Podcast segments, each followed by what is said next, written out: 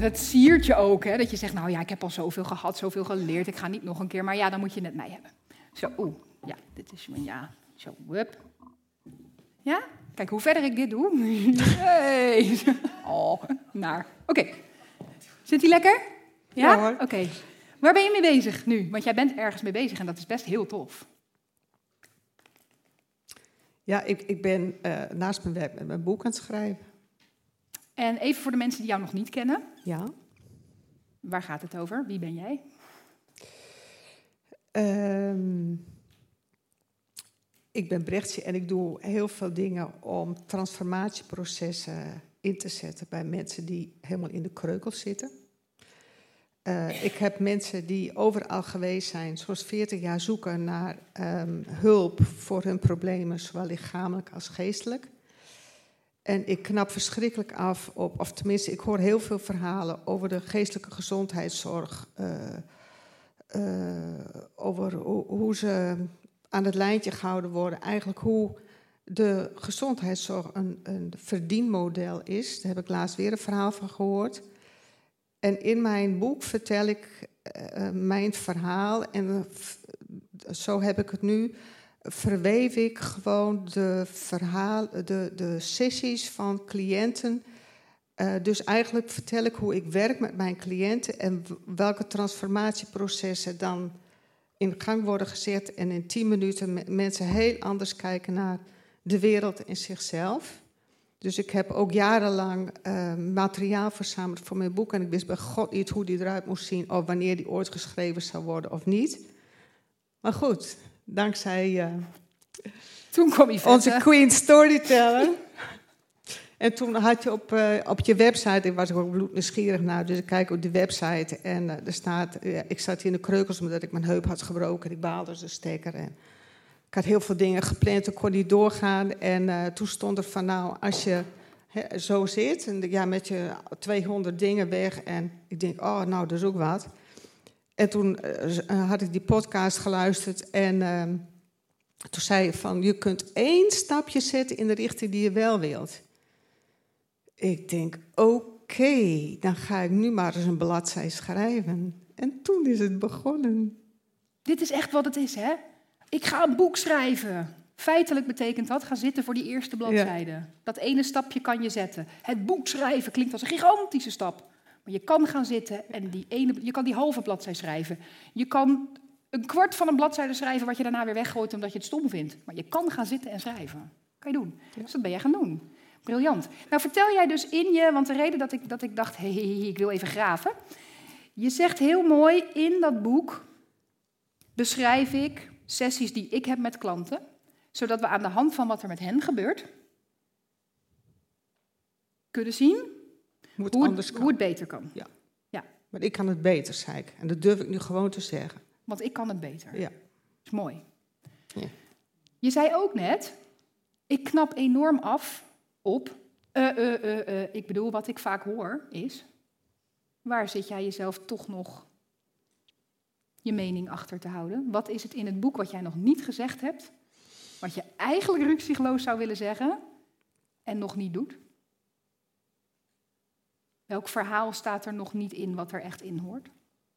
Behalve dat van al die klanten. Ja, maar je neemt het wel op, hè? Nou, dit kunnen we eruit knippen.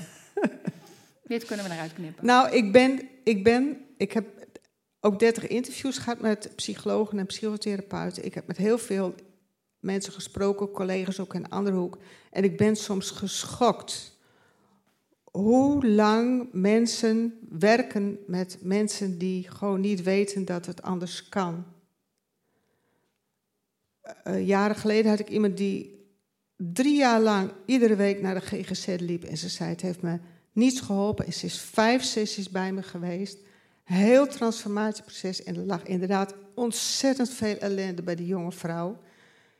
Daar kan ik dus heel veel last van hebben. En toen had ik zoiets, ik moet hier echt iets mee. Maar ja, ik wil ook niemand tegen de kop stoten. En dat is, ah, dat is heel vervelend. Want mensen zeggen ook wel in die beroepsgroep, wie denk je eigenlijk wel niet dat je bent? Beantwoord die vraag eens.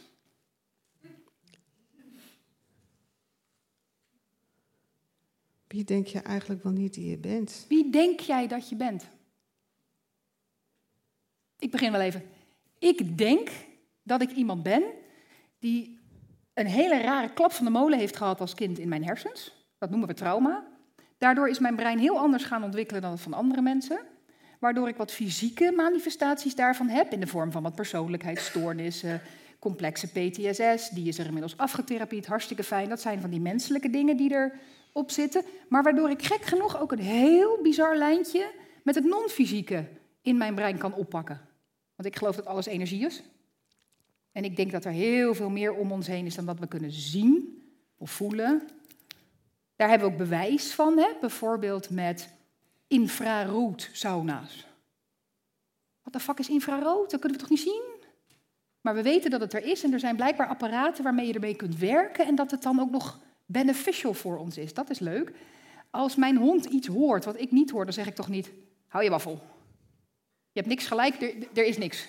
Hou op. Dat snappen we toch inmiddels dat er meer is dan dat wij kunnen zien, horen, denken, maar dat we gewoon de vertaling zelf niet kunnen maken, of nog niet. We kunnen nu meten wanneer er een aardbeving aankomt. Dat konden we een paar honderd jaar geleden nog niet. Dus we ontwikkelen apparatuur om dat te meten wat wij nog niet kunnen horen, zien, voelen. En ik kan daarbij. Dus ik leef hier, maar ik, ik ken ook een versie van mezelf in een andere dimensie. Ja, kan ik ook niet helpen. Dus ik denk dat ik iemand ben die hyper spiritueel is, wat we dan zouden bestemmen als spiritueel, werkend met energie, non-fysiek. Ik denk dat ik daar besta en tegelijk hier besta. Dat ik en mega nuchter ben, super zakelijk, echt hou van geld binnenharken. En dat ik het heerlijk vind om het te hebben over al dat andere wat non-fysiek is. Ik vind het heerlijk om te zweven, zouden we bestempelen als zweven, kan ik zo goed. En omdat ik al die dingen allemaal heb, ben ik een ontiegelijke brug voor iedereen die worstelt met de combinatie daarvan. Ja, maar ik wil zo graag impact maken met wat ik doe. Ik wil mensen helpen, maar ik wil eigenlijk ook gewoon heel veel geld. Maar dat kan ik natuurlijk niet zeggen. Gewoon niet zeggen, want ik ben er om mensen te helpen. Ik wil je helpen. Ik wil je helpen, maar ik wil eigenlijk gewoon heel veel geld. Ja, kak. Hoe, hoe maak je dan? Ik denk dat omdat ik op al die fronten tegelijk besta, denk ik dat ik mensen als geen ander kan helpen. En ik heb de skills en ik heb de tools, dus ik weet dat ik, dat is wie ik denk dat ik ben. Misschien heb ik totaal ongelijk. Misschien zijn er wel miljoenen mensen out there die als ze dat eens even zouden komen evalueren, dat ze zeggen, dat klopt niet. Daar heb jij mis, dat zie jij niet goed. Dat kan. Ik ben daar niet meer bang voor. Jij bent daar nog een beetje bang voor. Dat als jij zegt wie jij denkt dat je bent, dat mensen gaan zeggen: Ja, ho eens. Brechtje? Huh? Maar wij zien het zo. Stel dat we die angst er eens even afhalen. Wie denk jij dat je bent? Ja, nou je dat verhaal vertelde, denk ik. Uh, uh, nou je dat verhaal vertelt, denk ik. Dit is waarom storytelling werkt, jongens. Als jij je verhaal vertelt, zegt de ander. Nu jij dat vertelt, denk ik. Huh? Ga verder. Toen ik 15 was, zei ik: Ik wil een kanaal voor de goden zijn. Dus dak open, pootjes op de grond. Ik ben gewoon een, een nuchtere Friese boerendochter. Klaar. Maar ik heb het dak open. Dat komt door wat ik weet ik veel, wat ik meegemaakt heb of zo geboren ben, weet ik veel, niet interessant. Maar wat ik heel veel mensen hoor zeggen, dat ik wil contact maken met anderen. En ik zeg, contact maken doe ik niet, doet de ander niet, er zijn twee voor nodig. Dus ik heb het altijd over gij in ons midden. Dus je maakt ruimte om contact mogelijk te maken. Nou, dat is een hele andere. Dus als je gewoon contact wil maken, ga je de ander op de huid zitten. En dan gaat het dood. Dus nou, dat zijn van die kleine dingen. Dus oh, oh, oh, kleine dingen? maar voor mij is dat normaal. Maar dat is het punt. Hoe vertel ik dat? Want, nou, zo. Ja, nou, zo. zo. Zo. En dat maakt al een heel verschil, onder andere. En waarom voel ik dat feilloos aan als jij daar zit? Want jij zei, hè, jij werkt niet met energie, de energie werkt door jou. Ja. Dat is wat jij mij nu zegt, dat zit ik nog even te verbergen in mijn verhaal. Ik werk niet met energie. Er is ja. een gij ja. waar wij van twee kanten contact mee kunnen maken. En dat is waar het gebeurt. Als we met z'n tweeën daarop aangesloten zijn. Dit staat nog niet in je boek. Durf ik tenminste aan te nemen dat je dit nog niet hebt opgeschreven. Nee, en dit boek ga je is nog lang niet geschreven. Ik ben nog bezig. Maar dit, dit moet erin. Dit moet erin. Anders wordt het weer, want die hebben we wel, een boek van iemand die zegt: Kijk, dat verhaal van mijn klant, kijk maar die kant op, niet naar mij kijken, kijk maar naar het verhaal van mijn klant. Zo, daar. Uh, zie je, daaraan kan je zien dat jij het fout doet en je zou het anders moeten doen. En dat verhaal van mijn klant. Kijk, daar. Daar hebben we er echt al honderdduizend van. Wat we nodig hebben, bovendien, die verhalen kunnen, kunnen we jouw naam onder uitgummen. En die van een andere therapeut onderzetten. Maar dit stukje, dit is Brechtjes terminologie. Ik noem dat een gij. Er is een gij. Oh, wat wil ik daar 16 hoofdstukken over lezen, over hoe jij dat ziet. En dan hoef ik misschien twee of drie of vier van die klantverhalen. Ook leuk, prima. Ondersteun maar even met een paar van die verhalen. Maar dit is de kern. Kan je het me toesturen? Wat zei je? Kan je mij het bandje even toesturen? Is goed. Het komt op het internet. het staat voor eeuwig in de podcast. Dus uh, ja. Ja, dankjewel. Zodra, zodra het boek uit is, zet ik de link eronder in de podcastaflevering. En wil je het boek lezen? Oh, mind you dat iedereen het gaat bestellen. Ja, want hier zitten we op te wachten. Vakgebieden zijn de facto verouderd. Ze zijn oud.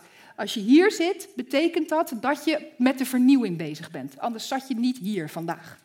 Ja, dan mag je niet in de valkuil stappen van toch nog proberen te blijven bij dat oude en in dat oude vocabulaire. Dan moet je zeggen, ik ben Sonja en ik werk met energie, ik ben Brechtje en we moeten het eens hebben over die gij. Want daar gaat het over, daarom loopt iedereen vast. Maar het is ook wel, het is soms, wat er nu ook gebeurt, is het zo mooi dat iemand je bevraagt. Want thuis achter mijn laptop kom ik daar gewoon niet op. Nee, nou daarom ja, ik schrijf, ik schrijf, ik schrijf door. Daarom zit je hier. Ja, blijkbaar. Ja. Je kan altijd terugkomen in de coachcalls. Dat weet je ook. Ja. En anders kun je altijd gebruik maken van één van mijn storytellers... die een expertise heeft op ghostwriting. Wat niks anders is dan zeggen, ik bevraag jou, zodat al het goud eruit komt. Ik help jou met het schrijven. En samen maken we zo dat boek, zodat jij niet in dingen stapt waar je niet in wil stappen, waar je in zou komen als je in je eentje zit. Dat zijn serieuze opties. Als je het nodig hebt om daarin te blijven, ik heb dat nodig. Ik heb net met Nicole Offenberg weer vier maanden gewerkt. Nee, dat werden er zes. Dat, dat moest ietsje langer. Uh, want ik heb dat nodig. Dat er iemand achter mij staat die waarborgt dat ik niet stiekem toch gewoon een beetje de andere kant op zit te huppelen. Want dat is zo lekker makkelijk. Nee, nee, nee, nee, nee, daarvoor kwam ik niet hier. Daarvoor kwam jij ook niet hier. Maar als ik nog meedoe aan de coachcalls, waar ik natuurlijk ook wel steeds over nadenk, maar is het ook handig voor mijn boek? Want het is om verhalen te schrijven. Maar is het ook handig als je een boek schrijft? Dan, dan zeg je tegen mij, Yvette, kom eens even, kom eens prikken. Dan zeg ik oké, en dan doen wij dit. Oké. Dan doen wij dit. Graag zelfs. Wat graag zelfs? Dit doen met elkaar. Ja. Ik vind meekijken met teksten vind ik fantastisch leuk. Doen we ook in de coachkast. Dan zegt iemand, ik heb wat geschreven, kijk je even mee. Dan zet ik het in beeld en dan gaan we knutselen. Dan zeg ik, nee, je, moet, je mist nog een punt. Je punt is niet scherp genoeg. Of je moet even die setting, wat dan kan. Maar dit... Ja. Oh. Nou ja, ik ga straks met Sharon uiteten, denk ik. Dus. Doe er de groeten. Kan je verder? Ja, leuk. Ja, oké, okay, dankjewel. Brechtje.